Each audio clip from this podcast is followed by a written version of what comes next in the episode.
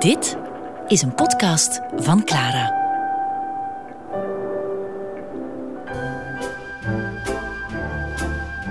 Verdwaalde stad. Een leven in Gent. Met Jean-Paul van Bendigem.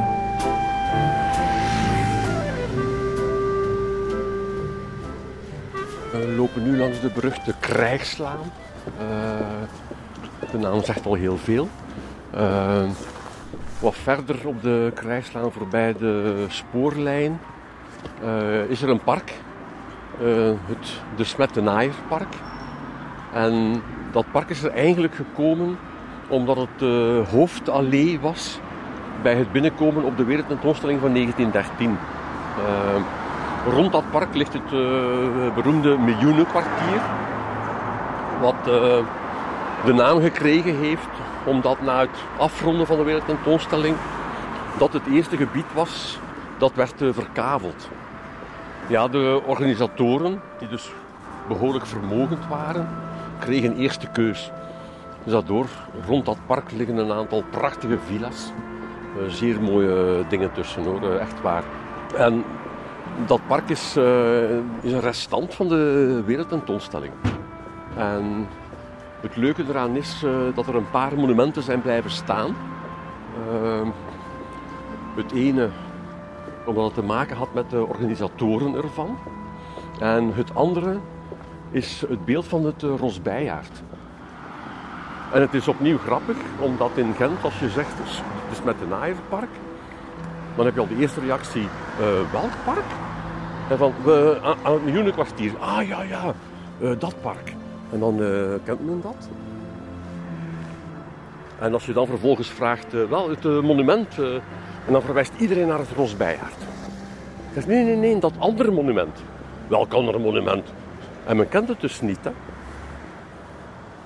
Dat vind ik ongelooflijk. dat is niet dat ik als Gentenaar wil indruk maken en zeggen, en ik ken dat dus wel, en mensen. Maar nee, het is meer de vraag die mij dan fascineert, hoe komt dat nu? Dat men dat dus niet kent. En het heeft niet alleen maar te maken met het feit dat het relatief goed verborgen is. Je moet weten uh, waar het staat. Maar het tweede is, het is een half mysterie. Dus uh, mijn filosofische stadswandeling begint bij dat monument. Dat is het vertrekpunt. En dan is mijn eerste vraag: uh, kan iemand dit plaatsen? Heeft iemand een idee? En dat zijn er bijzonder weinig. En voilà, we zijn aangekomen bij dat beruchte monument. Van berucht, uh, maar toch uh, ongekend. Nog los van het feit, uh, de maker, die nogthans in zijn periode een grote naam was, Jules van Biesbroek. die heeft een aantal dingen op zijn actief staan. Het is echt wel in Gent het een en ander gedaan. De naam is zo goed als compleet vergeten. Je moet al mensen hebben als Eddy Levis, de voorzitter van de Gentse Sociëteit. Die weet dat. Uh, Oké, een korte beschrijving. We staan voor een monument met een sokkel van, ik schat ruw, anderhalve meter hoog. Daarop staat een beeldengroep van drie mensen. In het midden, iets hoger dan de andere, een naakte man. Duidelijk een streng iemand, een fors iemand ook. Ik bedoel, een serieuze borstkas. In de voet van dat beeld staat fors, kracht. Uiteraard in het Frans, want we zijn 1913 daaromtrent. En hij wordt geflankeerd aan de linkerkant door een quasi-naakte vrouw. Uh, dat lijkt al weinig verrassend te zijn. In de sokkel bij dat beeld staat de beauté, schoonheid. Maar dan, uh, wat de meeste mensen met totale verbazing slaat, wat is dat andere beeld? Aan de rechterkant zit er opnieuw een vrouw, gesluierd. Uh, en in haar handen een driehoek. En daar in, in de sokkel staat er sagesse, wijsheid. Kijk, als ik dan vraag aan mijn deelnemers aan de wandeling, wat zegt u dat? Niks. Dat uh, af en toe keer iemand, professor, heeft dat niets te maken met vrijmetselarij? Ik zeg, ja, u heeft het. Want uh, wijsheid, kracht, schoonheid is een van die trio's van begrippen die in de vrijmetselarij uh, centraal staan. Dat uh, is, een basisidee. Uh, De, de kracht om door te zetten, de wijsheid om het goede inzicht te hebben en het streven naar schoonheid. Maar nu, zoals het er oorspronkelijk stond. In de oorspronkelijke opstelling stond die sokkel was niet anderhalve meter, maar eerder in de orde van een meter of vijf. Het stond een stuk hoger. En werd links en rechts geflankeerd door langs weerskanten een tiental beelden van uh, aangestekens gewone mensen die met de armen in de lucht opkeken naar dat trio. Duidelijk dat de, ik zal maar zeggen, de verlossing van hen zou komen. Dan denk je, dus zo'n ode aan de vrijmetselarij, hier, weer een tentoonstelling. Maar ja, de rekening is snel gemaakt.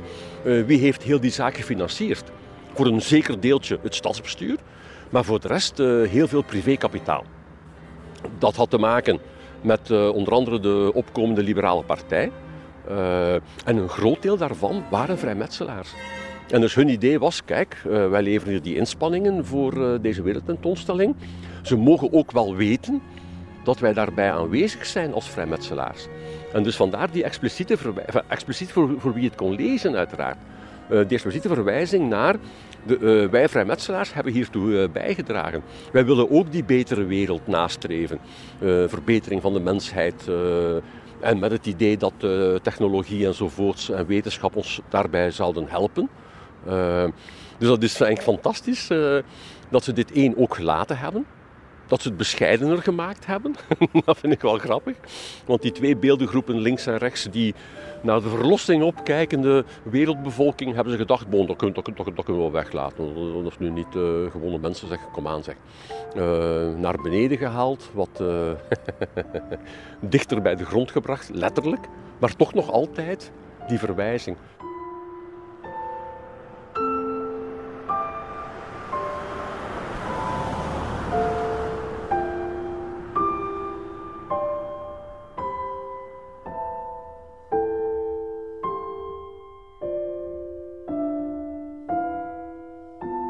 Wat vrijmetselarij voor mij betekent. in eerste instantie ben ik geneigd om te antwoorden. Eh, quasi een verdubbeling van mijn wereld. Ik dacht van in een wereld te vertoeven, te verblijven, die al redelijk goed gevuld was. Maar dit is erbij gekomen en ja, dat heeft de rijkdom zo de hoogte doen inschieten. De wijze waarop dat men uh, toetreedt, uh, als ik in de tijd terugga, dus 10, 20 jaar geleden, 20 jaar geleden zeker, uh, was dat uh, op vraag. je werd aangesproken door één of twee mensen die blijkbaar van jou het idee hadden, die zou daar wel in passen, die kan er wel iets aan hebben. Ja, in mijn geval de twee. de ene was, de andere is een gekend vrijmetselaar. Ze zijn zelf altijd heel open geweest. Ja, de ene was Leo Apostel, de andere Dirk Bates die ook, uh, net zoals uh, zoveel mensen nu vandaag, wat ik een heel positieve uh, evolutie vind. Ik draag er ook zelf toe bij. Ik wil ook graag hebben dat, dat men het beter leert kennen. je wordt gevraagd en dan is er een procedure om te doorlopen. Ehm, ja, ik heb, al, ik, ik, heb lang met twijfels gezeten hoor, om, om, omdat het toch, zoals de uitdrukking gaat, het zijn katten in zakken. En op een bepaald moment, en dat vind ik toch in de tijd, tenminste als ik het percipieer, in de tijd waarin we zijn terechtgekomen, uh, wat ik durf omschrijven als de cultuur van wantrouwen, uh, wordt je hier nu gevraagd om twee mensen te vertrouwen.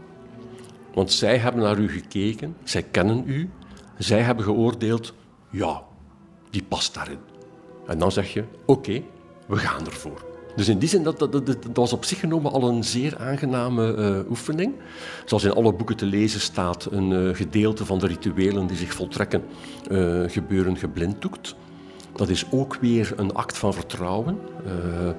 want de, de handen die je voelt, die jou vasthouden en jou leiden, daar moet je volkomen aan overgeven. Ik bedoel, dat is puur vertrouwen. Wel, voor mij was dat uh, effectief ongelooflijk moeilijk.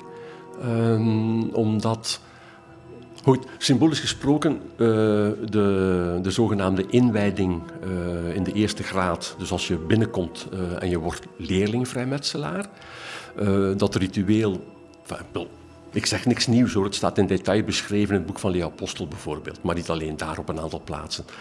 gebeurt geblinddoekt, omdat een van de centrale elementen is het krijgen van het licht.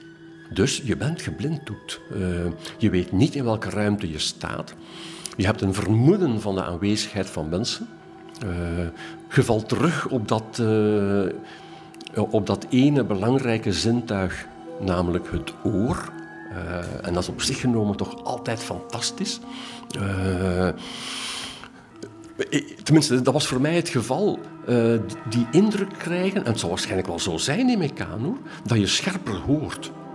Je wordt niet meer afgeleid door, door de overvloed aan materiaal dat aan jouw ogen wordt aangeboden.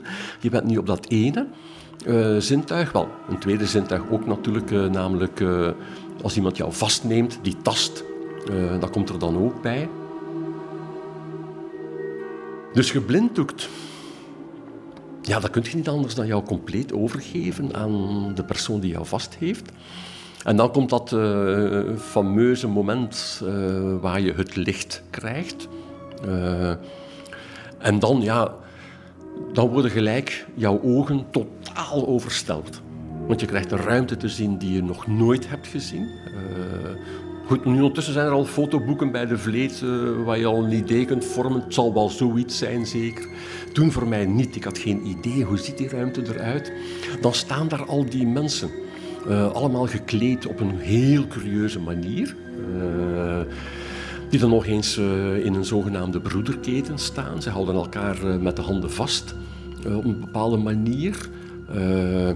en dan, zoals het in alle teksten te lezen staat, nogmaals, ik vertel niks nieuws. dan is het standaardlied dat zal weer klinken, of de standaard aria in Diesem Heilige Halle uit de toverfluit. Soms wordt er dan nog bijgezegd, vergeet dit moment nooit. Maar dat is een quasi overbodige formule, want dat kun je niet vergeten. dat moment, en het wordt nadien ook heel vaak aangehaald, dat bij elke inwijding die je dan daarna meemaakt, je ziet dus opnieuw nog niet vrijmetselaars vrijmetselaar worden, je herbeleeft dat. Dat, en ook het, fenomeen, eh, of de gedachte eerder, nee, het is de gedachte, dat iedereen die daar zit, heeft dat allemaal meegemaakt. Er zijn geen uitzonderingen. Dus dat kan een bediende zijn uh, in een bedrijf ergens, dat kan een prof zijn aan de universiteit, dat kan een arts zijn. Maakt niet uit. Allemaal hebben zij dit ondergaan. Allemaal hebben zij daar even hulpeloos gestaan hebben zij allemaal zich moeten overgeven aan iemand anders, het volle vertrouwen schenken. En, en, en dat is krachtig. Er zijn geen uitzonderingen.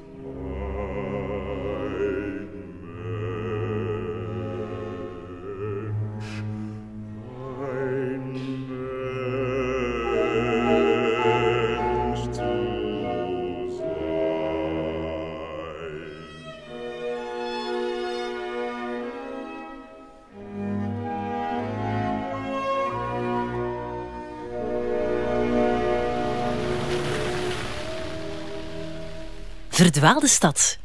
Een leven in Gent. Met Jean-Paul van Bendigem.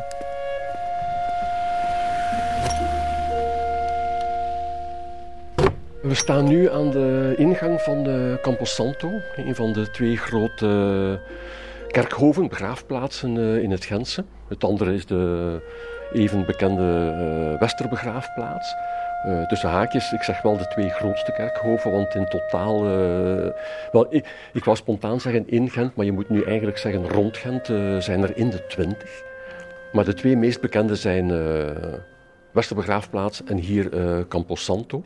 Beide, wat ik zelf eigenlijk niet wist voor ik dat heb opgezocht voor mijn boek, dateren uit de 19e eeuw. Dus eigenlijk zijn dat relatief recente begraafplaatsen. En uh, ja, een eerste uh, merkwaardige anekdote. Uh, de naam Camposanto die is toegekend geweest door Henry Conscience. Want die bij de dat is een beetje een rare manier om, om, die termen te gebruiken. Maar bij het openstellen van het kerkhof uh, heeft hij een reden gehouden. En in die reden uh, verwees hij naar uh, en hier op Camposanto, waar enzovoort. En de naam is blijven hangen. Dat is heel, heel merkwaardig. Het is het, in, in, contrast met de Westerbegraafplaats is uh, Camposanto eerder het kerkhof uitgesproken van de praalgraven. Van, uh, dus wat betekent dat er ook een hele rits bekende namen te vinden zijn. en moet ik, ik, moet zeggen, ik was zelf ook verrast toen ik de lijst zag van wie ligt hier allemaal.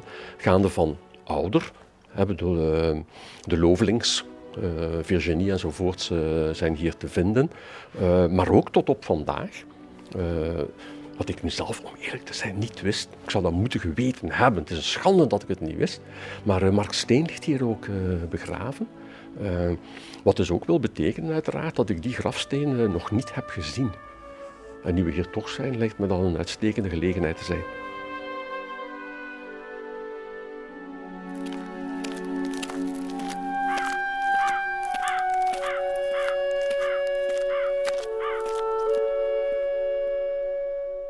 Een kerkhof uh, is mij in die zin altijd blijven uh, fascineren, uh, omdat het toch een van de vele manieren is om met,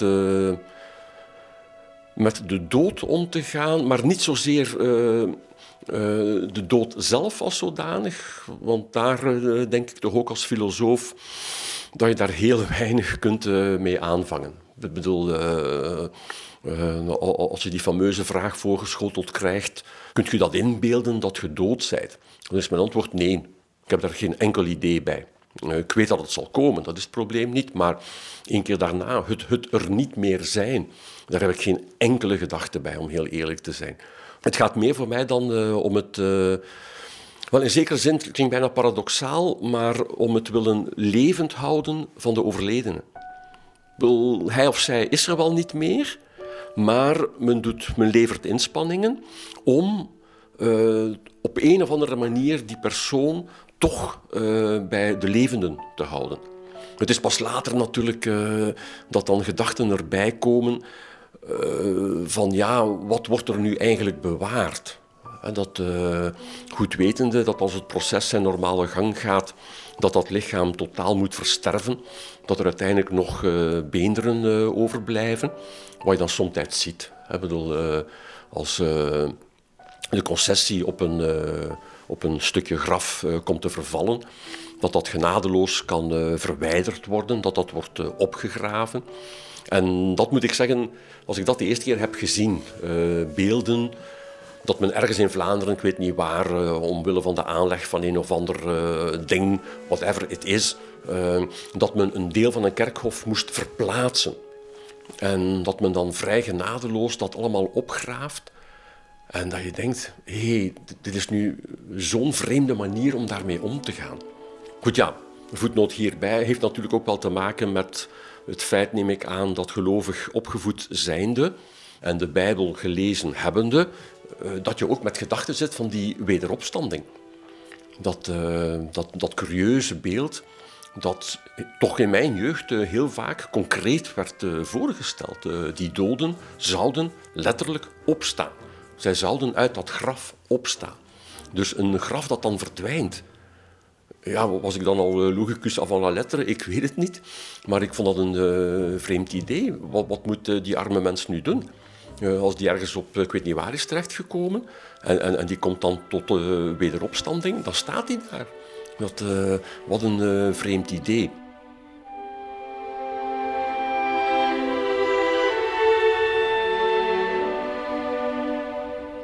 Een kerkhof hoe ik het, is ook voor een deel een veruitwendigen van, van een geheugen. Dat, dus nu is het raar in mijn eigen familie dat wij uh, zulke plekken niet hebben. Zo goed als niet.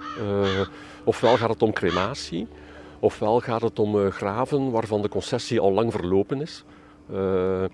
en ik herinner mij nog wel één keer als kind mijn grootvader langs vaderskant lag begraven op de Westerbegraafplaats, de, het andere grote kerkhof in Gent. En ik denk dat het, het moet 1 eh, november geweest zijn, neem ik aan. En wij lopen daar mijn vader voorop. en mijn vader, die kwijt was waar nu juist het graf van zijn vader lag. En die zich kwaad maakte. Met een, een vloek erbij. Maar, maar, waar is dat nu? Dat moet toch hier zijn? als je als kind daar achteraan loopt, dan denk je toch... Hmm, ja, uh, is het dan niet meer zo belangrijk? Uh, nu dat gezegd zijnde, mijn vader was daarin echt zakenman tot het einde van zijn dagen. Als die concessie was afgelopen, dan was zijn idee, bon, we hebben uh, genoeg gerouwd zeker. Hè? Uh, het, het, zal gaan, hè. dat is een manier om ermee, om om te gaan, natuurlijk. je kan het toch niet rekken, aanhalingstekens, tot in de eeuwigheid. Uh, uitgerekend niet. Hè. Dat, dus een kerkhof zelf laten vergaan is ook een zeer intrigerende gedachte. Dat, dus ik hou wel van kerkhoven waar een verwaarloosd deel is. Dat, omdat dat ook iets uitdrukt. Ons ook iets probeert te zeggen over, ja kijk, we spelen hier een heel bijzonder spel. Een geheel van rituelen. En daar zit ook een, een verbruiksdatum op. Ja, hier liggen doden bij elkaar, een gigantische verzameling. maar tegelijkertijd ook maar een heel beperkt deel. als je de optelsom maakt, er zijn meer dode mensen dan levende mensen. Als je begint vanaf het moment dat uh, de mens als mens op deze aardbol is beginnen rondlopen, we hebben meer doden dan levenden. Wat mij trouwens tot het besef heeft gebracht, door dat berichtje in de krant te zien staan, dat ik dacht, oh nee, onze virtuele tijd waarin wij nu terechtgekomen zijn. We zijn eigenlijk bezig met het grootste virtuele kerkhof aller tijden aan het creëren. En er gaat een punt komen dat het aantal doden groter zal zijn dan het aantal levenden, namelijk Facebook. Op dit moment zijn er al miljoenen pagina's van overledenen. En dat is ironisch, de problemen die je hebt om zo'n pagina weg te krijgen. Is, je krijgt juist het omgekeerde. Uh, hier is het uh, heel vaak een strijd tegen het verval. Je wil toch op zijn minst de indruk geven van nee, het blijft voortbestaan. de doden gaan niet weg. Op Facebook is het eigenlijk het omgekeerde. Je hebt waanzinnig veel problemen om te zeggen: nee, alstublieft, die persoon is overleden, haal die weg. Die hoort daar niet meer thuis. Aan de andere kant denk je: oké, de virtuele wereld, heeft misschien die absurde eigenschap dat op een bepaald moment de dood het zal overnemen. Want met hetzelfde argument, op een bepaald moment moet er een kantelpunt komen dat er uh, meer pagina's op Facebook zullen staan van overledenen dan van levenden. En dat vind ik een. Uh, daar, moet ooit eens iemand een uh, roman van maken. Ik bedoel, het grootste virtuele kerkhof ooit denkbaar. Verdwaalde stad.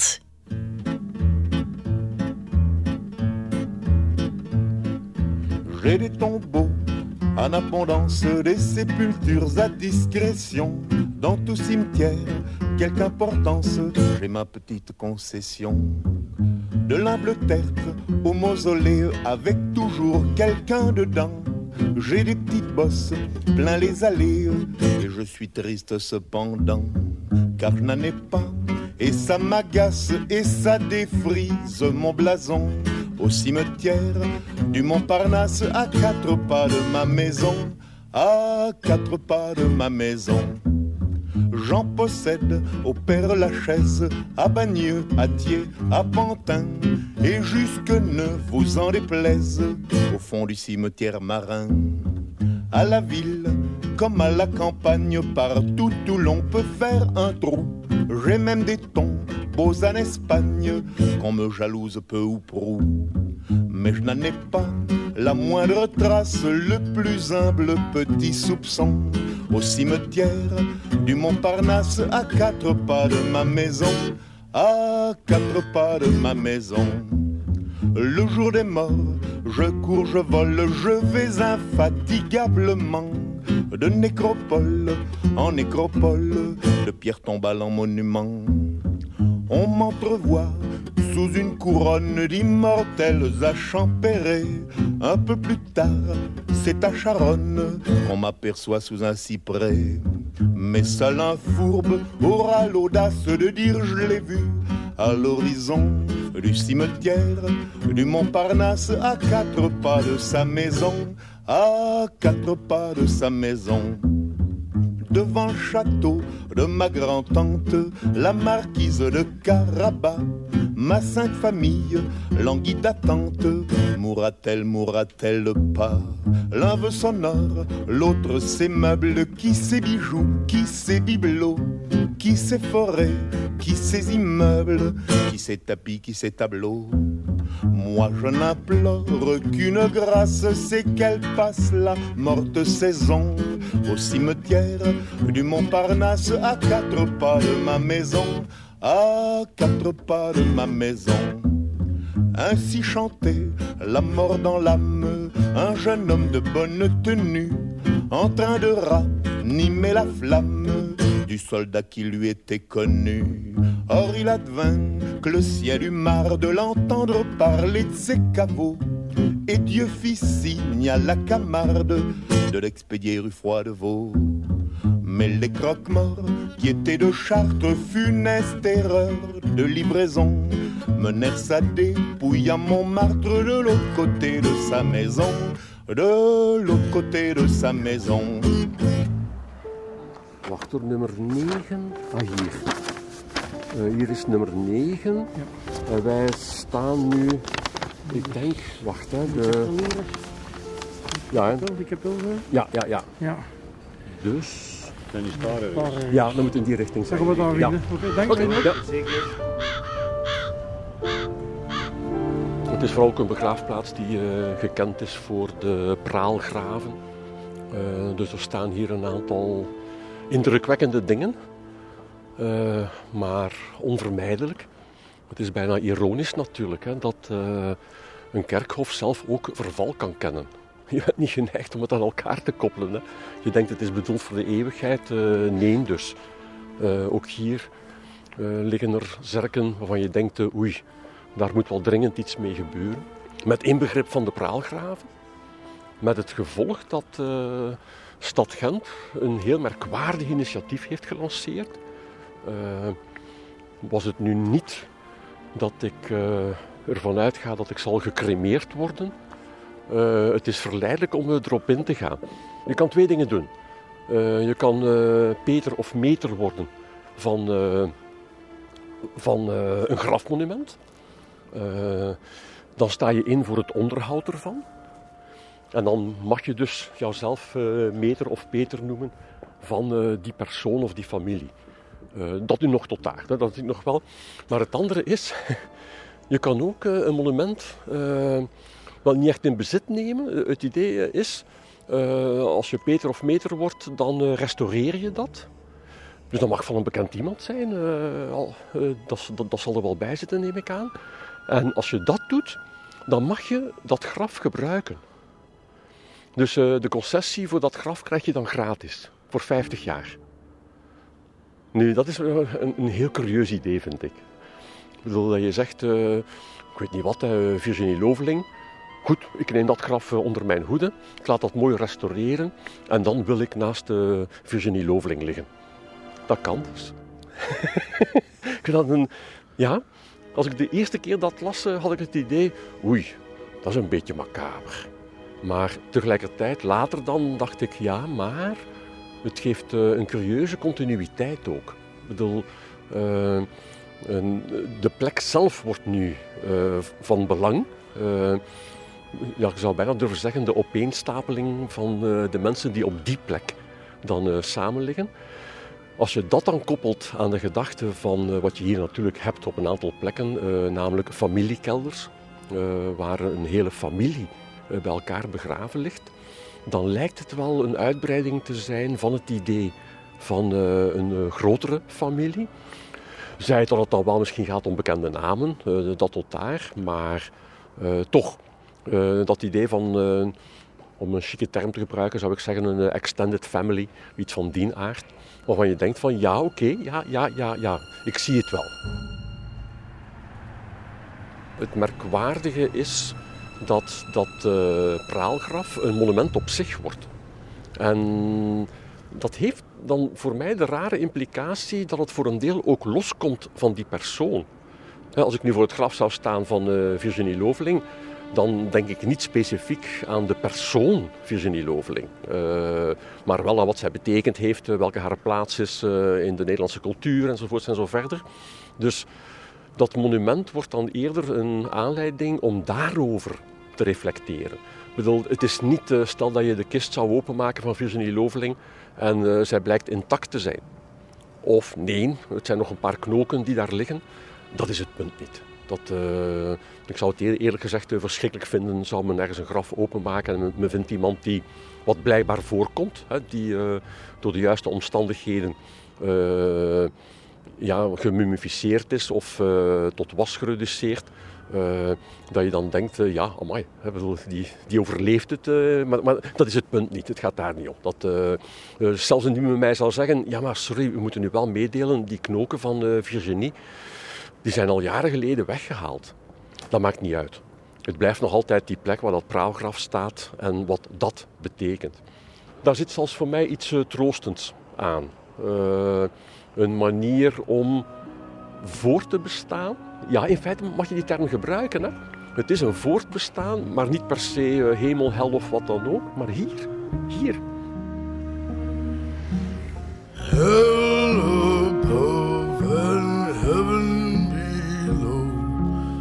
Ooh.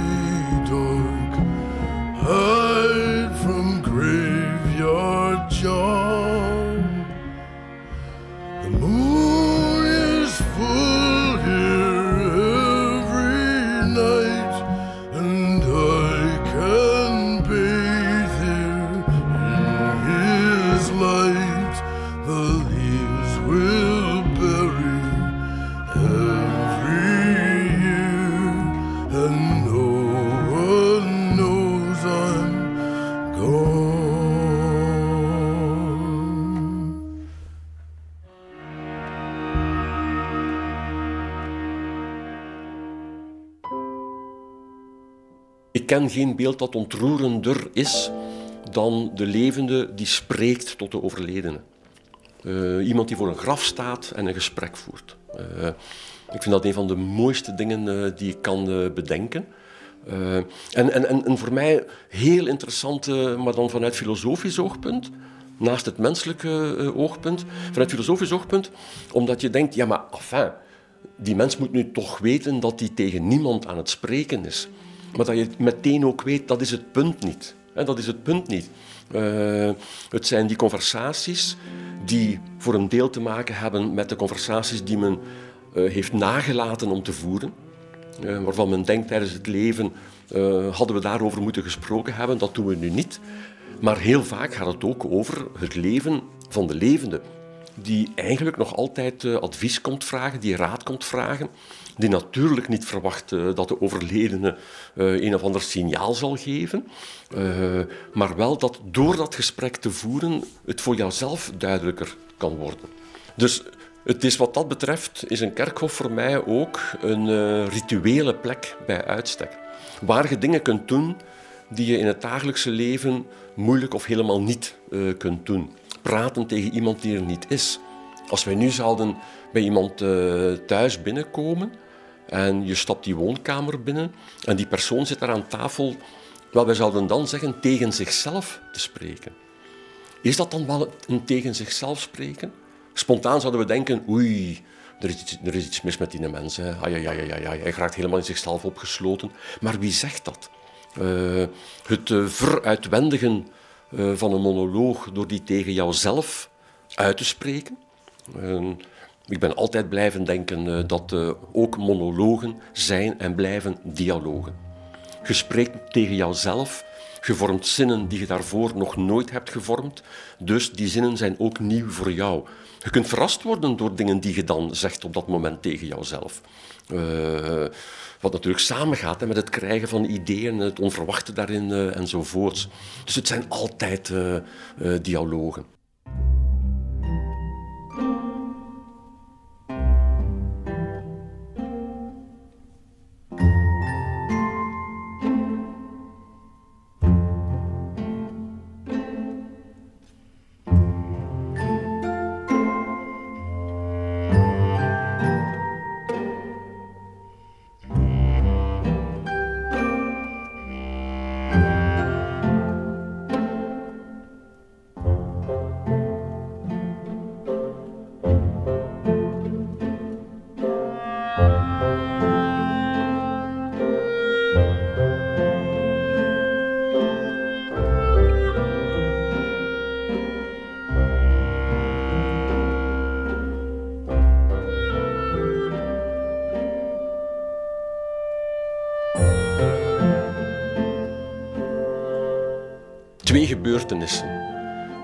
Twee gebeurtenissen die ik alleen maar kan omschrijven.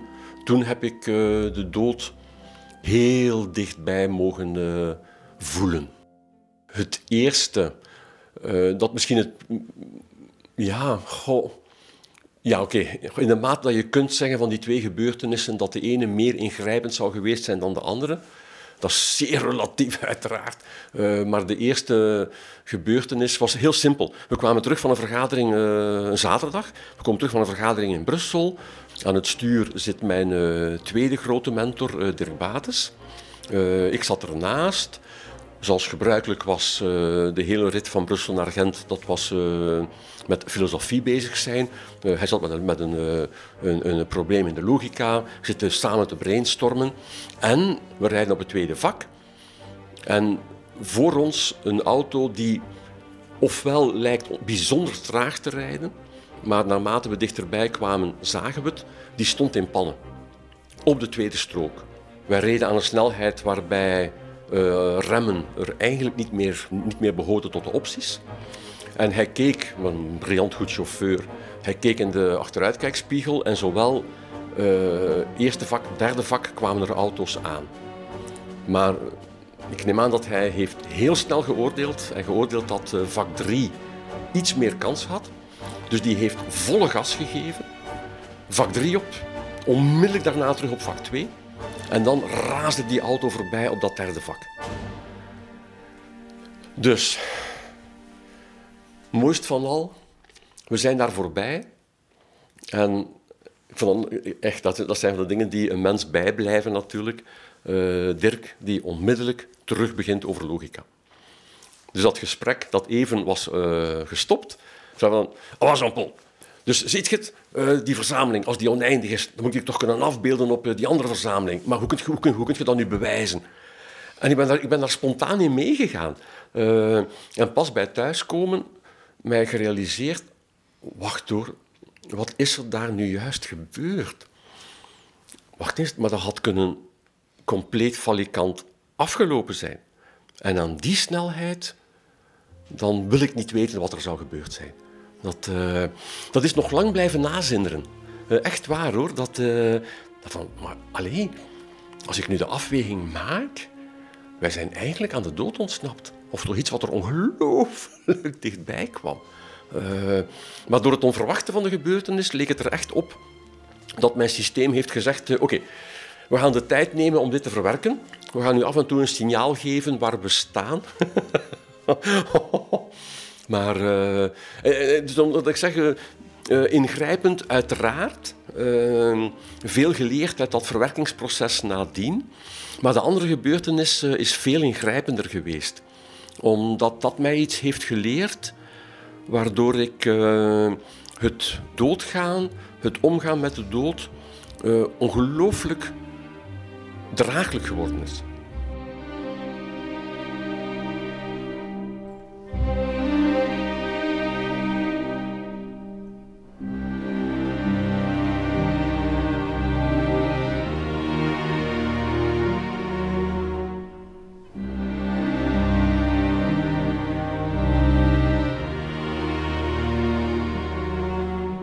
Verdwaalde stad. Een leven in Gent. Met Jean-Paul van Bendigem. Ik heb ooit uh, door uh, een uh, wilde kat hier in de geburen, die mijn bureau was binnengeraakt. ik probeerde dat beest weg te krijgen. dat beest panikeerde en deed iets ja, wat voor mij gewoon... Dat kan niet, dat kan niet. Uh, omdat ik toch probeerde dat beest shushu buiten te krijgen. Uh, door die paniek schoot dat beest omhoog in mijn bibliotheek. En dus dat beeld dat die kat haar klauwen in die boeken zette en zich zo naar beneden liet glijden. Dus ik zag van nee, hè, die is hier al die boeken om zeep aan het helpen. Dus dan, in wat een volkomen idiotie, heb ik met mijn blote handen die kat vastgenomen. Nu, ik had geleerd nekvel. En ik had ze in het nekvel. Maar dat beest spartelde zodanig dat hij door een, vlotte beweging plotseling... Ik had ze vast in haar nekvel, mijn arm gestrekt. Maar die bewoog zodanig dat hij op dat moment zat die op mijn voorarm. Die had zich daarop gemanoeuvreerd. Dus, en dan zet hij haar tanden uh, in mijn vingers. En dat was tot op het bot. Uh, ik had moeten geweten hebben dat er iets raars aan de hand was. Want, uh, oké, om maar aan te geven wat voor een idioot een mens kan zijn bij bepaalde momenten. Ik heb die kat op mijn voorarm, met haar tanden in mijn vingers, ben ik zo de trap opgegaan naar ons terras op de eerste verdieping. Ik heb de schuifdeur open gedaan en zo uh, haar buiten gegooid. En toen was ze weg. Dus ik, ik, ik, ben die trap opgegaan met die kat, met haar tanden erin. Uh, dat was dus opgelost. Ik uh, denk van, dat, dat gaat hier, ik ga hier bloeden als een rund. Uh, dus ik loop de keuken in en wat merk ik? Die wonden zijn al allemaal dicht. En dan dacht ik, hmm, dat is geen goed teken. Maar voor de rest merkte ik niks. Ik ben nog les gaan geven. Onderweg bij een apotheker ontsmettingsmiddel gekocht. Ik heb al moeten vragen aan een van de studenten, wat gebeurt dat gewoon eens uitgieten over mijn hand. Uh, en ik voelde niks. Dan dacht ik, dat is raar. Normaal gezien als dat uh, wondes zijn, verse wondes, dat zou moeten prikkelen of wat dan ook, niets. Hmm. In de namiddag had ik nog een vergadering in Brussel. Ik ben daar naartoe gegaan. En op de trein merkte ik al, hier klopt iets niet. Ik vond geen positie meer waarin ik mijn hand kon bewegen, zodat het, dat ik geen pijn voelde. Maar ik heb die vergadering nog gedaan. Uh, gelukkig heeft dan uh, een van mijn medewerkers gezegd, uh, Jean-Paul, alstublieft, ga naar de medische dienst, want dat is niet normaal. Ik ga naar de medische dienst en die zeggen mij, ja, wat jij hebt is waarschijnlijk een bloedvergiftiging. Want de bacteriële cultuur van een kat is sterk verschillend van de onze, heb ik geleerd. Dus jij zit nu met een aantal bacteriën waar jouw lichaam niet spontaan kan tegen reageren. Met andere woorden, bloedvergiftiging. We schrijven nu antibiotica voor, zo rap mogelijk. Maar ik had, ik had die avond ook nog uh, iets te doen. Ik dacht van, oké, dat doe ik dan wel zaterdag. Hè. Dat is in orde. Ik, ik heb dat dus gedaan. Hè. Maar die zaterdagochtend word ik wakker. En ik ben nog wel opgestaan, maar ik ben meteen terug uh, in de zetel gaan liggen. Omdat ik kon eigenlijk niet meer bewegen. Ik bedoel, het opheffen van een pink was... Ja, dat ging mijn krachten te boven. Uh, en ik heb toen het gevoel gehad... Kijk, als men nu tegen mij zegt... Uh, Jean-Paul, ja, we zijn zover. Nog een half uur, drie kwartier en kwartier en dan is het afgelopen dat, dat was oké voor mij. Dat was oké. Geen enkele weerstand meer.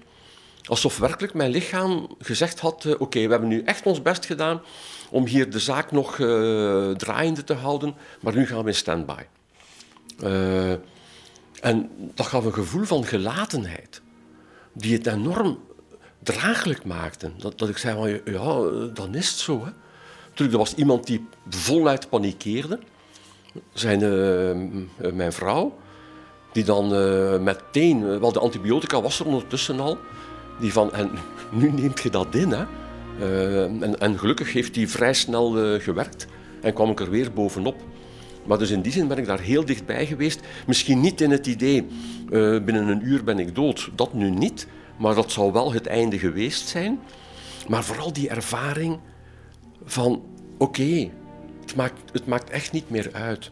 En dan heb ik geleerd, want ik had altijd dat idee dat uh, het uit de wereld moeten stappen, om die uitdrukking te gebruiken, dat dat altijd een heftige gebeurtenis moet zijn. Dat je blijft weerstand bieden tot het laatste. En nu heb ik geleerd van nee, dat alternatief uh, is er ook.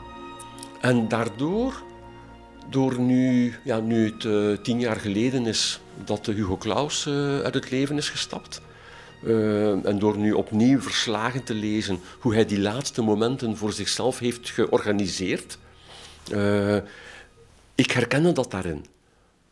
Die manier waarbij je voor, voor jezelf. Ik had, ik had het niet voor mezelf uitgemaakt, mijn lichaam had het voor mij uitgemaakt, maar ik, ik zijnde, had daar vrede mee. En dat is, hm, ja, termen die naar boven komen zijn voor mij termen als louterend. Dat was een louterende ervaring. En, en dus, ofwel, dus mijn verlanglijstje, bovenaan staat de 1-0-ervaring. Dat het mag gebeuren, zoals wie is er op een sublieme wijze voor mij uit het leven gestapt, geheel onvrijwillig, Gilbert Temmerman. een van de grote burgemeesters van Gent geweest die de rij heeft ingezet eh, van, van, van hemzelf, Gilbert Temmerman, Frank Beke, Daniel Termont. En nu gaan we zien wat eh, de toekomst brengt. Uh, Gilbert Temmerman, die van een vergadering kwam, hij stond op het perron van, uh, ik denk, Dendermonde. Hij had, had, nog net een vergadering gehad, hij was nog vol, volop bezig met uh, uh, de politieke beweging enzovoorts. En daar op het perron in elkaar is gezakt, gedaan. Uh, dat is de 1-0. Twee, als het dat niet wordt, dat het dan die, die gelatenheid mag zijn. en aan drie wil ik op dit moment, en ik zie geen enkel moment komen, daar wil ik liever niet aan denken. Dat gezegd zijn heb ik wel alles al uh, bijna, bijna, nog niet helemaal, maar toch praktisch alle papieren al klaargemaakt uh, voor uh, de wilsverklaring enzovoorts. Maar dat heeft voor mij meer te maken met ik wil zoveel mogelijk alternatieven openhouden. Dat, dat, dat is, ik kan het niet beter omschrijven dan iemand die ik mateloos bewonder. omdat ik haar van dichtbij heb mogen meemaken. Eh, gedurende een studieverblijf eh, georganiseerd door eh, Wim Distelmans. met alle mensen die betrokken zijn rond levenseinde, euthanasie enzovoorts. Uh, zijn we voor een week naar de Peloponnesos getrokken. En wie is meegegaan is Mieke Vervoort, de rolstoelatlete, die pijn ervaart. Werkelijk, ik heb, ik heb het kunnen meemaken. Tot op een niveau dat je denkt, dit, is, uh, hoe kan een mens dit dragen? En uh, haar uitspraak uh, vind ik van zo'n immense schoonheid. Ze heeft haar euthanasieverklaring. Niet dat ze het daarom gaat doen, maar dat ze die mogelijkheid heeft. En, en dan is dat idee dat dat euthanasie, euthanasieverzoek niet per se wil betekenen dat ik wil dat het zo zal, uh, zo zal lopen en het moet zo lopen enzovoort. Nee, het gaat in tegendeel. Het gaat erom dat je uh, mogelijkheden wilt openhouden. Ik heb dat op zak, dus ik weet, uh, zou ik er ooit klaar voor zijn, dan kan ik het doen. Maar het is niet gezegd dat ik het zal doen. En dat is ook mijn idee hoor. Dat, maar goed, voor, voor, voor, voor, mij zijn dat situaties waar het zo moeilijk is om over na te denken. Als mensen mij zulke vragen voorleggen, dan antwoord ik altijd met de tegenvraag. Als ik u de vraag zou stellen, uh, eh, 14 april 1912, ja, ik heb de datum juist, je staat op het dek van de Titanic en die is aan het zinken. Als ik u nu zou vragen, en wat zou u gedaan hebben? Ja, het enige antwoord dat ik van iemand verwacht is, ik heb geen idee. Ik heb geen idee. Zou ik mij verkleed hebben als vrouw om toch nog in een sloep terecht te komen? Zou ik geprobeerd hebben om een steward uh, om te kopen, om toch een plek te kunnen vinden in een, in een sloep? Zou ik nog de tegenwoordigheid van geest gehad hebben om mensen te helpen? Of zou ik bevroren, niet alleen letterlijk, maar bevroren door paniek alleen maar een reling vastgenomen hebben en in volle paniek niet meer in staat geweest zijn om die los te laten? Ik heb geen idee. En ik verwacht eigenlijk dat anderen mij dat ook zeggen.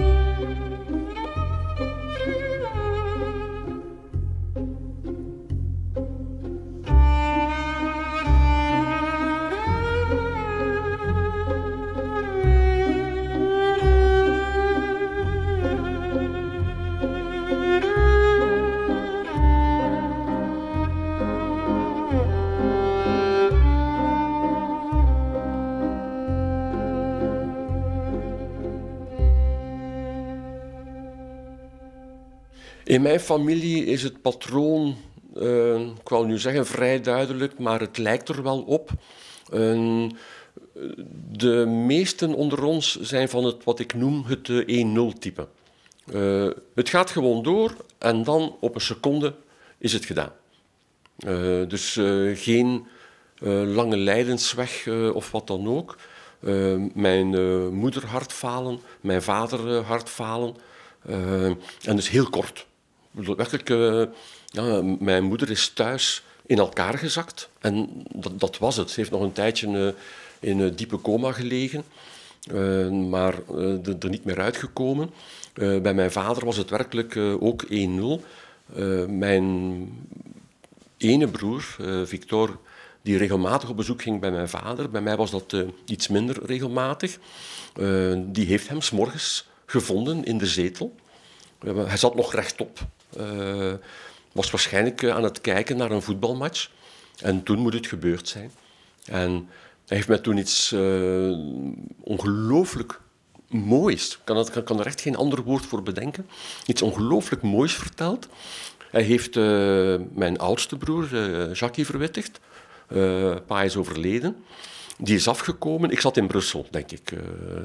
dus ik was moeilijk bereikbaar. Die is afgekomen en hij heeft mij verteld dat zij met hun twee aan weerskanten van mijn vader hebben gezeten. Overleden. Uh, dat was duidelijk. Hè? Het is niet dat je zegt uh, het heeft nog zin om de mug te laten komen of wat dan ook. Het was absoluut duidelijk. En dan nog eigenlijk met hun drie een conversatie hebben gehouden. Dat, ik weet altijd voor mezelf niet, daar moet ik heel eerlijk in zijn, of ik nu spijt heb, ja dan nee, van daar niet bij aanwezig geweest te zijn. Ik weet het niet. Want ik weet van mijzelf absoluut niet of ik er op die manier had kunnen mee omgaan. Dat weet ik niet. Maar als beeld vind ik het van zo'n schoonheid. Dat, uh, dat, uh, en, en, ja, dat was blijkbaar een conversatie eh, alsof hij er nog bij was. In zekere zin was hij er nog bij natuurlijk. Hij zat daar nog.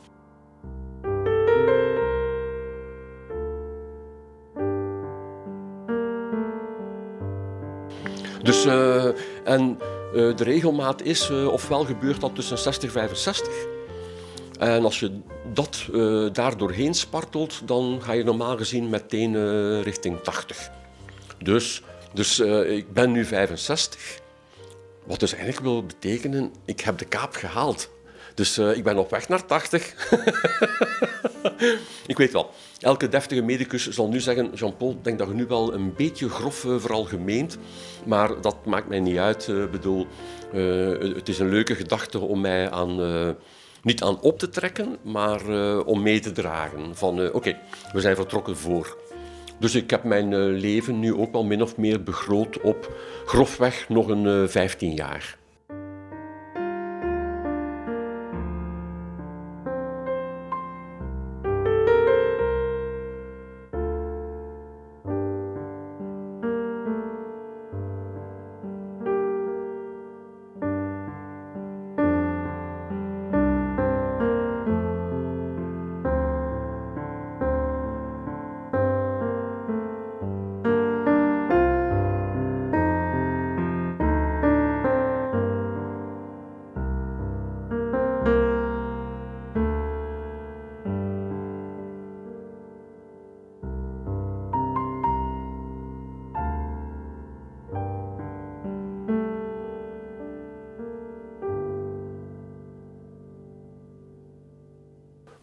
Voor mijzelf van een waanzinnige schoonheid uh, is geweest. Soms gebruik ik ook wel graag de uitdrukking van een gruwelijke schoonheid. En, uh, zo schoon dat het, uh, dat het bijna gruwelijk wordt om er te moeten over spreken. van, van, van, van een immense schoonheid. Dat na het overlijden van mijn moeder, 1999, mijn vader heeft nog geleefd tot 2006, dus die zeven jaar, uh, is mijn relatie met mijn vader totaal gewijzigd.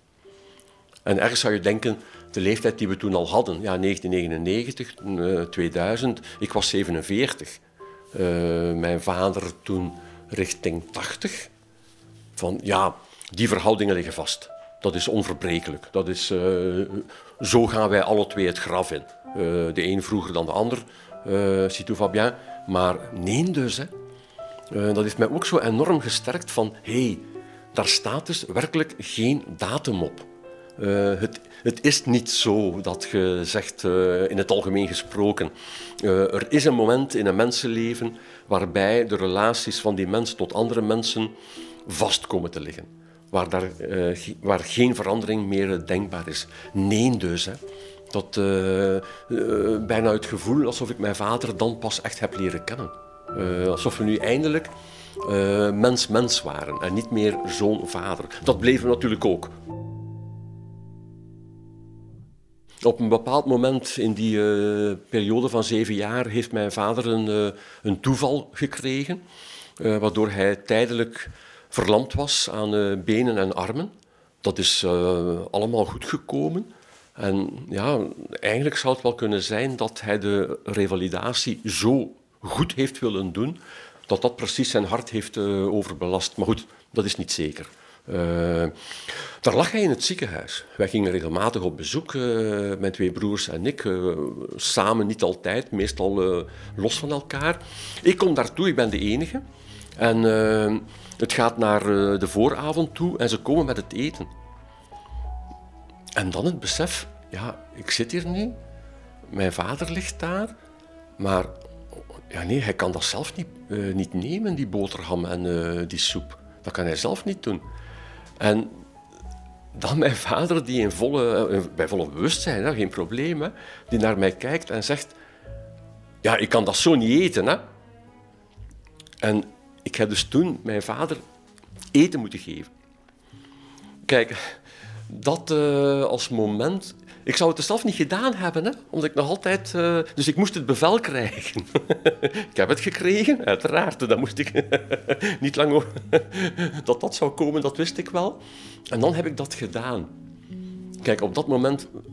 Van niet, nee, niet op dat moment, maar dat is een van de momenten die voor mij een, een sleutelmoment blijven.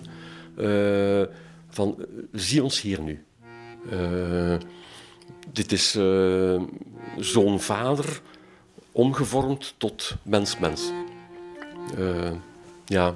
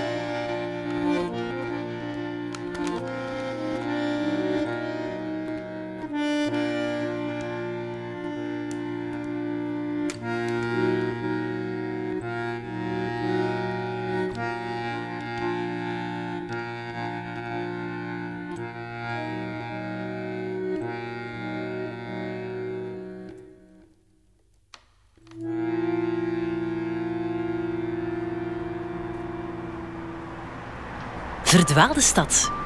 Een leven in Gent. Met Jean-Paul van Bendigem.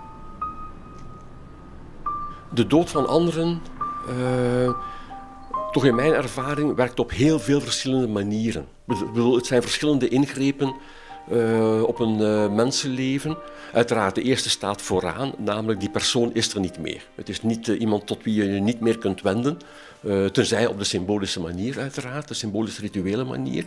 Maar het heeft ook te maken, en dan wordt het al... Ehm, ja, nu wil ik zeggen interessanter, maar dat, dat is niet de juiste term. rijker misschien. wat met, met die plaats die nu vrijgekomen is. Uh, ben je ergens aangestekens geroepen, maar dat is een veel te zware term, dat besef ik wel, om, om voor een deel die plaats in te nemen.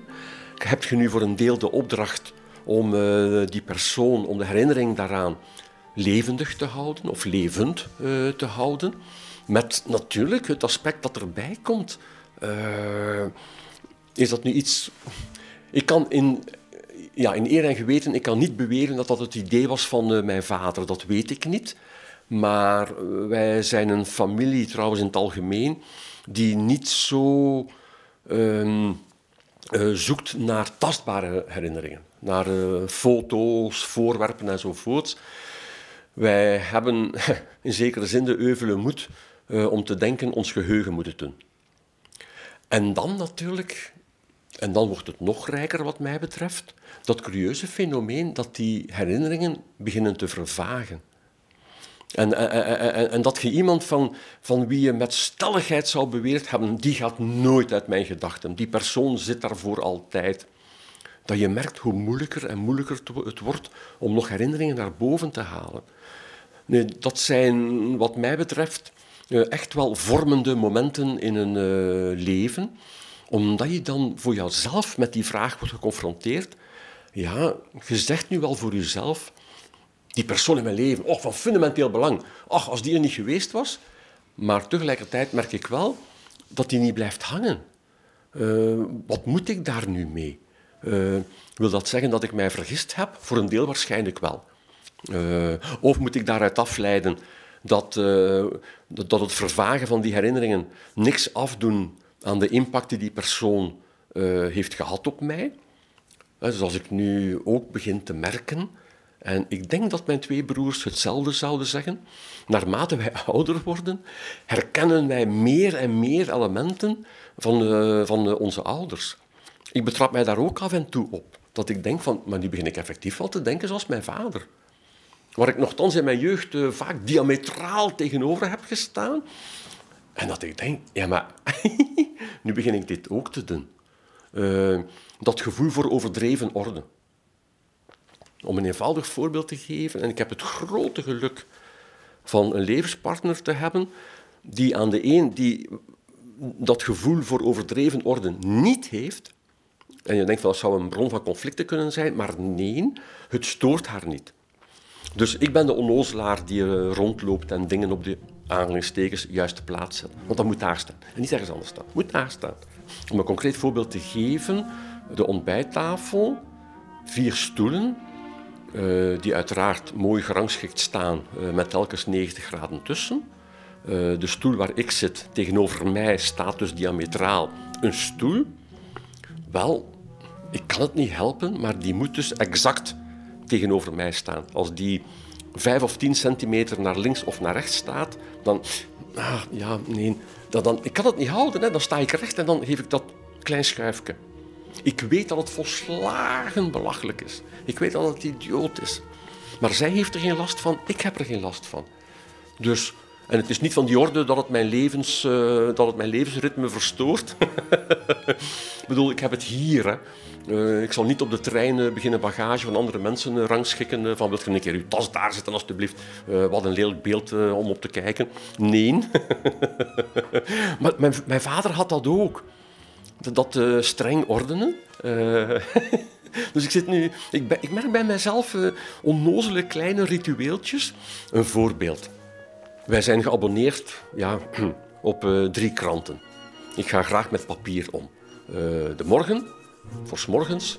De Standaard, voor s middags. En Le Soir, voor s avonds.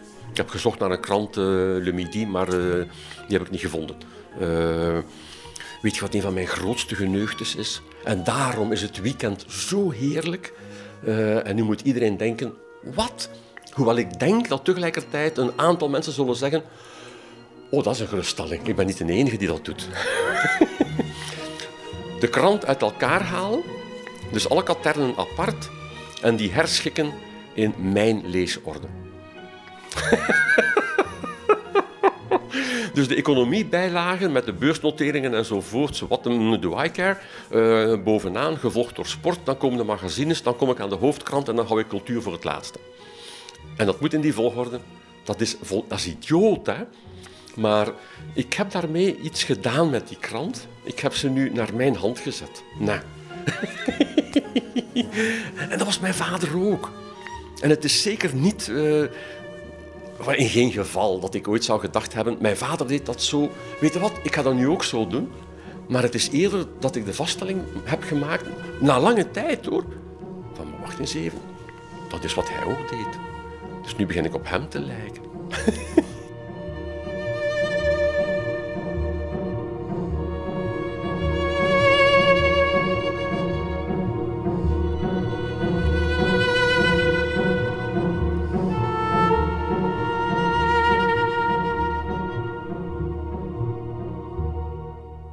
Verdwaalde stad. Een leven in Gent. Met Jean-Paul van Bendigem.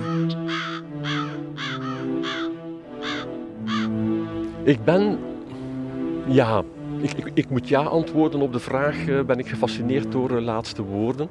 Maar uh, de, mm, ik moet eerlijk bekennen, heel vaak haalt de ironie het op de diepte. En dat, omdat die paar keren dat we toch vrij betrouwbaar weten hoe het juist gegaan is, dan draait het er altijd op uit dat het veel banaler is dan we doorgaans denken. Het voorbeeld bij uitstek, neem ik aan, is eh, Goethe. Zijn laatste woorden, meer licht, meer licht. En dus iedereen heeft dat natuurlijk geïnterpreteerd, wat ik begrijp. Van ja, ziet je wel, dit is de verlichting ten voeten uit. Nog zijn laatste woorden zijn geweest dat wij licht moeten zoeken enzovoorts. Maar nee, hij lag in een verduisterde kamer. Hij was stervende. En hij wou nog eens de zon zien. Dus hij eigenlijk vroeg was, wil je die luiken nog eens open doen? Dat ik nog even licht kan zien. Dus vandaar meer licht. Dat doet niks af aan, uh, bedoel, uh, aan, aan, de grootsheid ervan.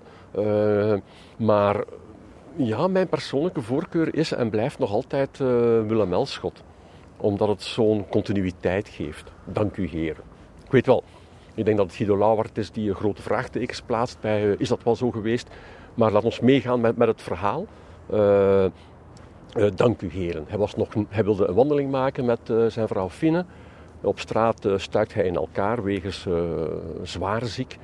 Twee passanten hebben hem opgenomen, terug naar huis gebracht. Ze waren niet zo ver van huis afgeraakt.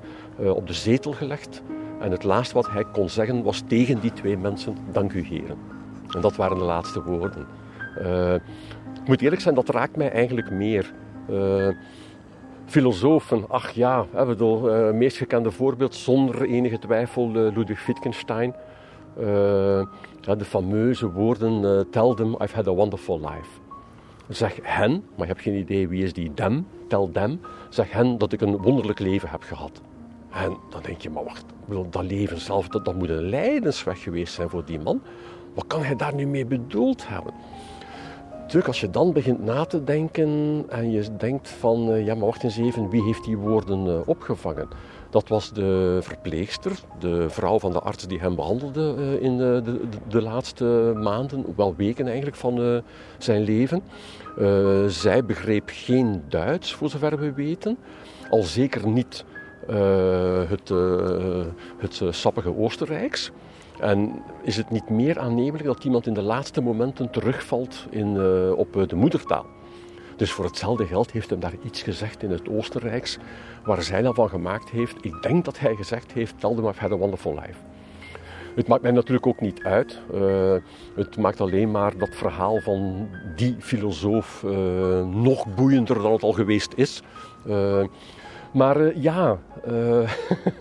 um, omdat ik nu zelf iemand ben die uh, hoopt dat het einde zal bestaan uit uh, één seconde. Ik bedoel, een 1-0 einde, zoals ik het zo graag omschrijf.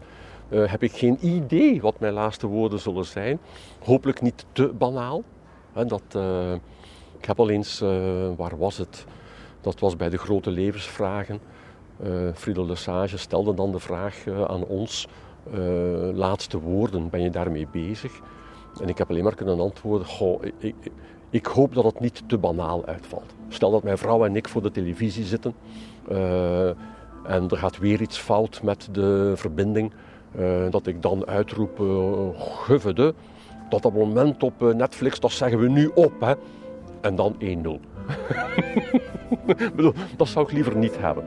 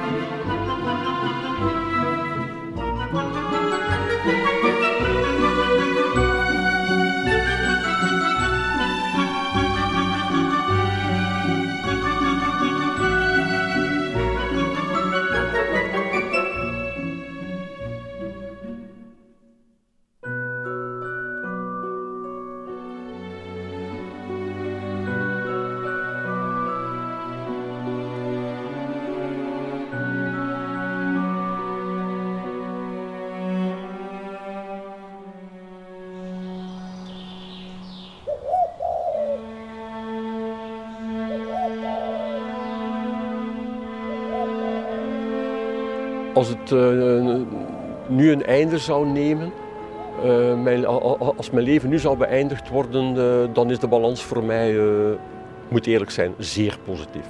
Zeer positief. omdat, nu achteraf bekeken na zoveel jaren, heb ik de indruk dat ik iemand geweest ben die heeft geprobeerd om, om, om uit te zoeken wat zijn noden zijn wat wil ik graag? En uh, niet wat, als ik dit al heb, wat wil ik nog meer? Uh, dus had zoveel jaar geleden, toen ik nog student was, iemand tegen mij gezegd: Jij wordt nog prof van de universiteit. Dat zou ik wel, dat, dat zag ik zeker zitten. Maar jarenlang heb ik gedacht: uh, nee, dat. maar goed, middelbaar onderwijs is even belangrijk, zo niet belangrijker, want zij leveren ons het materiaal aan waar wij mogen mee verder knoeien. Uh, dus uh, dan zou het dat geworden zijn. Hè? Want ja, ik ben een onderwijsmens. Ik bedoel, eh, dat weet ik van mijzelf. Maar als men dan nog er zou aan toegevoegd hebben en je gaat nog decaan worden van een faculteit ook, dan zou ik gelachen hebben. Dat is gebeurd allemaal. Dus in die zin, wat ik graag had willen bereiken in dit leven, heb ik voor mij al bereikt. Daarom dat ik heel vaak zeg, ik leef nu al jaren in extra time. Dus alles wat nu langskomt, alles wat zich aandient, uh, daar ga ik zeer graag op in, omdat het allemaal extra dingen zijn die zich nu aankondigen. Uh, waarvan ik denk van, oh ja, god, ja, nee, dat, heb ik nog nooit gedaan. Maar waarom niet? Uh, dat, dat wil ik ook nog wel. Zou dat nu niet gebeuren? Ja, dan, dan, dan, dan gebeurt het niet. wat ik zou missen zijn de lezingen. Want daar heb ik nog altijd bijzonder veel, van daar haal ik bijzonder veel voldoening uit. Dat, dat verrijkt mijn leven, dat, zo ervaar ik het ook. Maar het is niet dat, dat ik zeg, ik heb het allemaal gehad. Dat, dat, is, het is geen levensmoeheid of wat dan ook. Maar het is eerder het pure, ik kan het niet anders zeggen, in deze vermalendijde tijden maar het is wel zo voor mij persoonlijk. Alles wat, wat er nu nog bij komt, is, is simpelweg extra. Dat is, ik zal maar de term gebruiken, dat is puur genieten. Uh, ik weet dat dat uh, soms verschrikkelijk klinkt als je dat vandaag zegt. Hoe, hoe, is het met uw leven? Och, ik geniet volop. Maar eigenlijk is het dat wel, moet ik eerlijk bekennen. Zie, ik zeg het nu zelfs met, met een zekere schroom. van wat? Loopt daar iemand rond in Vlaanderen die volop aan het genieten is? wat een perfide figuur. Ik kan mij die reactie voorstellen. Dat er zullen zijn die mij zullen zeggen: uh, Hoe durft je? En dat uh, zeg maar, ja, ja, het is simpelweg zo. Uh, dus hoeven dingen? Nee. Nee, er hoeft eigenlijk niks meer. daarom, mijn voornaamste zorg moet ik, ja, dat is zo. Mijn voornaamste zorg is mijn wederhelft. Dat ik zeker ben dat wanneer ik er niet meer ben en zij nog wel, dat dat in orde is. En voor zover ik weet, op dit moment is dat zo. Het is nu bekrachtigd. die moet zich altijd, hè. Dat, is, dat is niet te doen. Hè. dat is trouwens de reden dat wij in 2006 uiteindelijk getrouwd zijn. We hadden het voornemen om als samenwonenden door het leven te gaan, maar we hebben ontdekt dat er nog één cruciaal verschil is tussen samenwonenden en gehuwden, namelijk het pensioen. Bij gehuwden, als één wegvalt, heeft de andere de keuze tussen het eigen pensioen of het pensioen van de ander. Nu, mijn pensioen is aantrekkelijk. Dus ik zou zeer graag hebben uh, dat zij daar kan van uh, genieten. En de enige uitweg was om te trouwen. Wij waren toen al rijpe vijftigers. Dus uh, we hebben gedacht, goed, niemand zal ons nog verdenken dat wij eh, grote voorstanders en verdedigers zijn van de huwelijkse staat. Zoals op het feest een zeer goede vriend van ons gezegd heeft. Hij begon zijn speech met uh, de prachtige woorden in deze luttele jaren die deze mensen nog resten. We waren net getrouwd. maar hij had gelijk.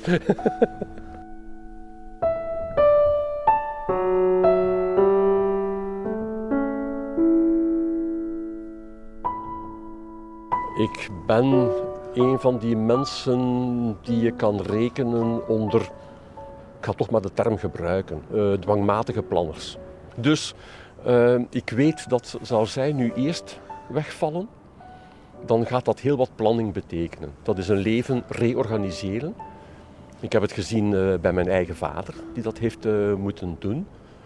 Dus het enige wat ik nu in het achterhoofd hou is hij heeft dat uh, uiteindelijk, ik zeg wel uiteindelijk, want het is, er is een zeer moeilijke periode geweest, wat volkomen normaal is uiteraard. Uh, een aantal maanden. En dan heeft hij de zaak in handen genomen. Ja, een zakenman, hè. Zaak in handen genomen. En dan heb ik gezien, goh, die kan dat dus. Ik bedoel, mijn vader uiteindelijk zelf de was zien doen. Ik bedoel, ik kom uit, in die zin uit een zeer traditioneel gezin. De taken man-vrouw waren duidelijk verdeeld. Alles wat met het huishoudelijke te maken had, dat was mijn moeder. Die valt nu weg. Dus plotseling komen al die dingen nu op zijn, letterlijk op zijn bord te liggen, want dat moest hij nu zelf zien te vullen. Maar, maar heeft dat gedaan. Dus ik reken daar een beetje op. Dat uh, in die zin de geest van mijn vader, wat dat betreft, ook nog uh, een beetje in mij rondwaalt dat ik in staat zal zijn om uh, daarmee om te kunnen. Ik ga er ook vanuit, maar ja, kijk, statistisch gesproken moet ik ervan uitgaan dat mijn twee broers, uh, statistisch uh, gaan zij voor mij. dus ja, daar wil ik niet al te hard op rekenen. het kan anders uitdraaien, dat weet ik wel. Maar statistisch moet ik beter niet op rekenen. Maar daar moet ik zeggen dat uh, wat ik als een soort garantie, bijna een verzekering, uh, in, in, uh, bij mij heb, dat is nu uitgerekend die vrijmetselarij. Omdat je daar weet, dat is een groep waarop je kunt terugvallen. En ik weet dat dat zo is. Daar moet ik mij geen zorgen over maken. Ik heb zoveel voorbeelden al voor mij gezien. dat is zo. Er zullen altijd een paar mensen zijn, misschien maar twee of drie, hoor, maar dat is uiteraard ruim voldoende. Je moet, daar moeten geen tien mensen rondstaan. Want voordat je het weet, krijg je tien verschillende meningen over hoe dat je het moet aanpakken. en dan gaat je daar weer aan ten onder. Dus nee, maar een, een, een, paar mensen waarvan ik weet, kijk, wat er ook gebeurt, bel maar. Eh, die garantie, dat is toch, uh, ja, dat, dat is geweldig. Dat is geweldig.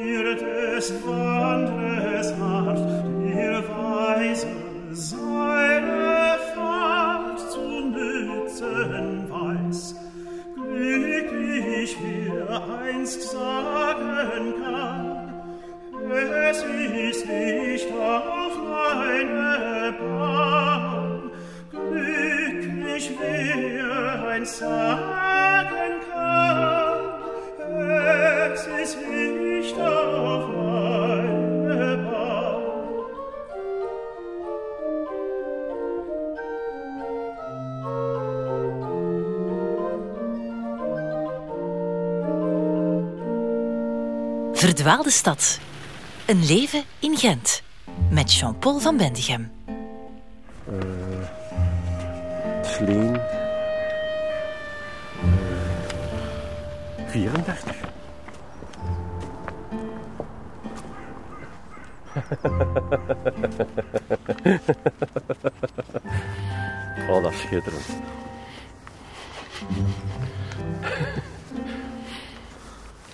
Bekennen, door dit programma heb ik al een aantal ontdekkingen mogen doen. Uh, ik, ik, wist dat, uh, hoewel ik had nog getwijfeld met de Westerbegraafplaats, maar dus hij is wel degelijk eh, begraven op Camposanto, namelijk Mark Sleen, de striptekenaar. Ja, ik lach nu.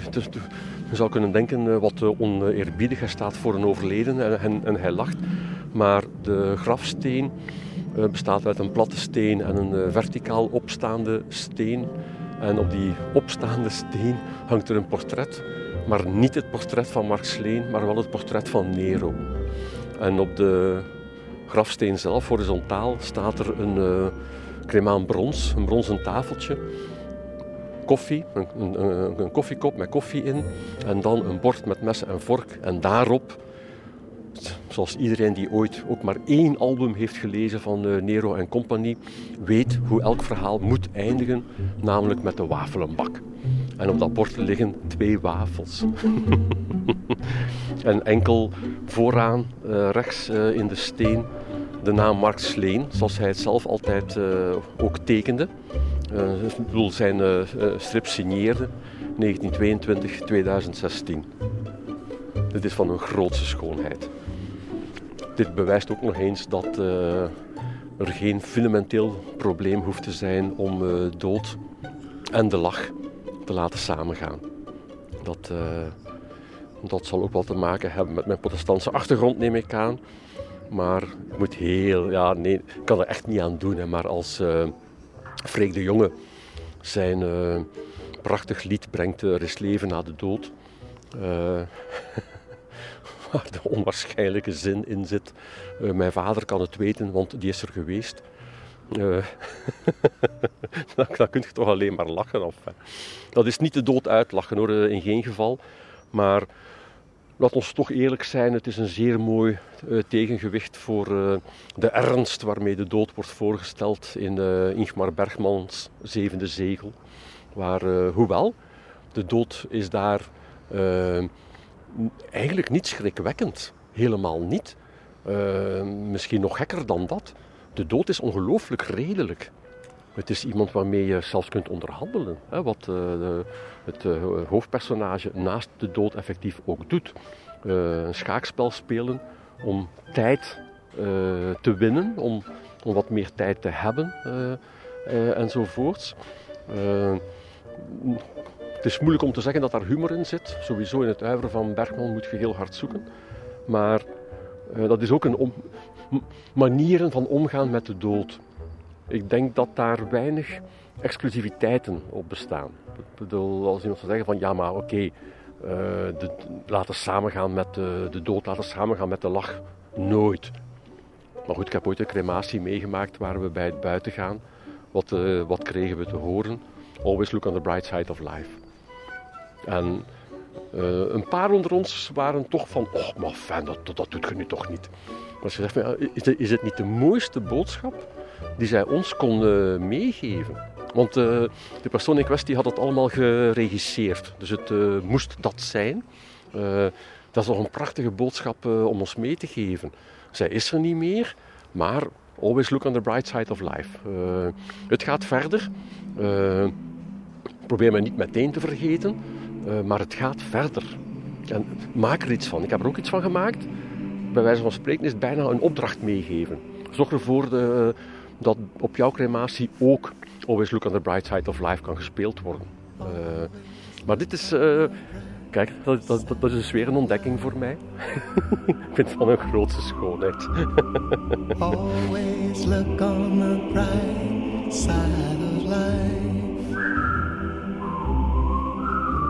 Some things in life are bad, they can really make you mad. Other things just make you swear and curse.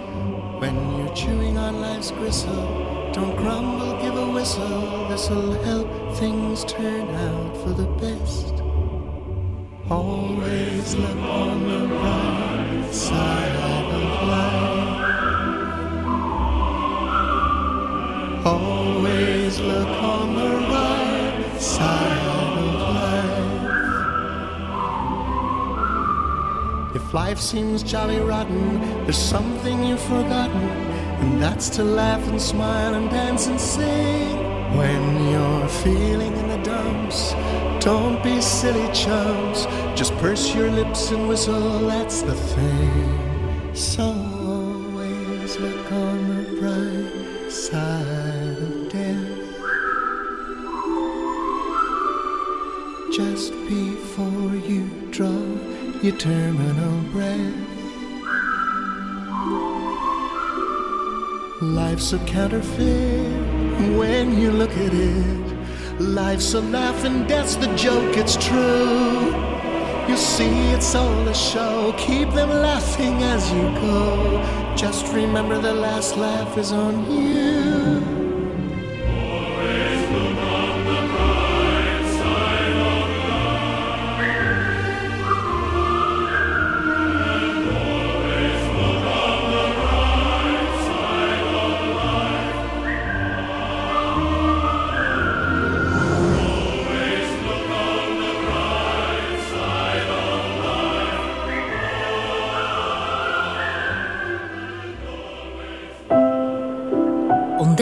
Onze andere podcasts via clara.be.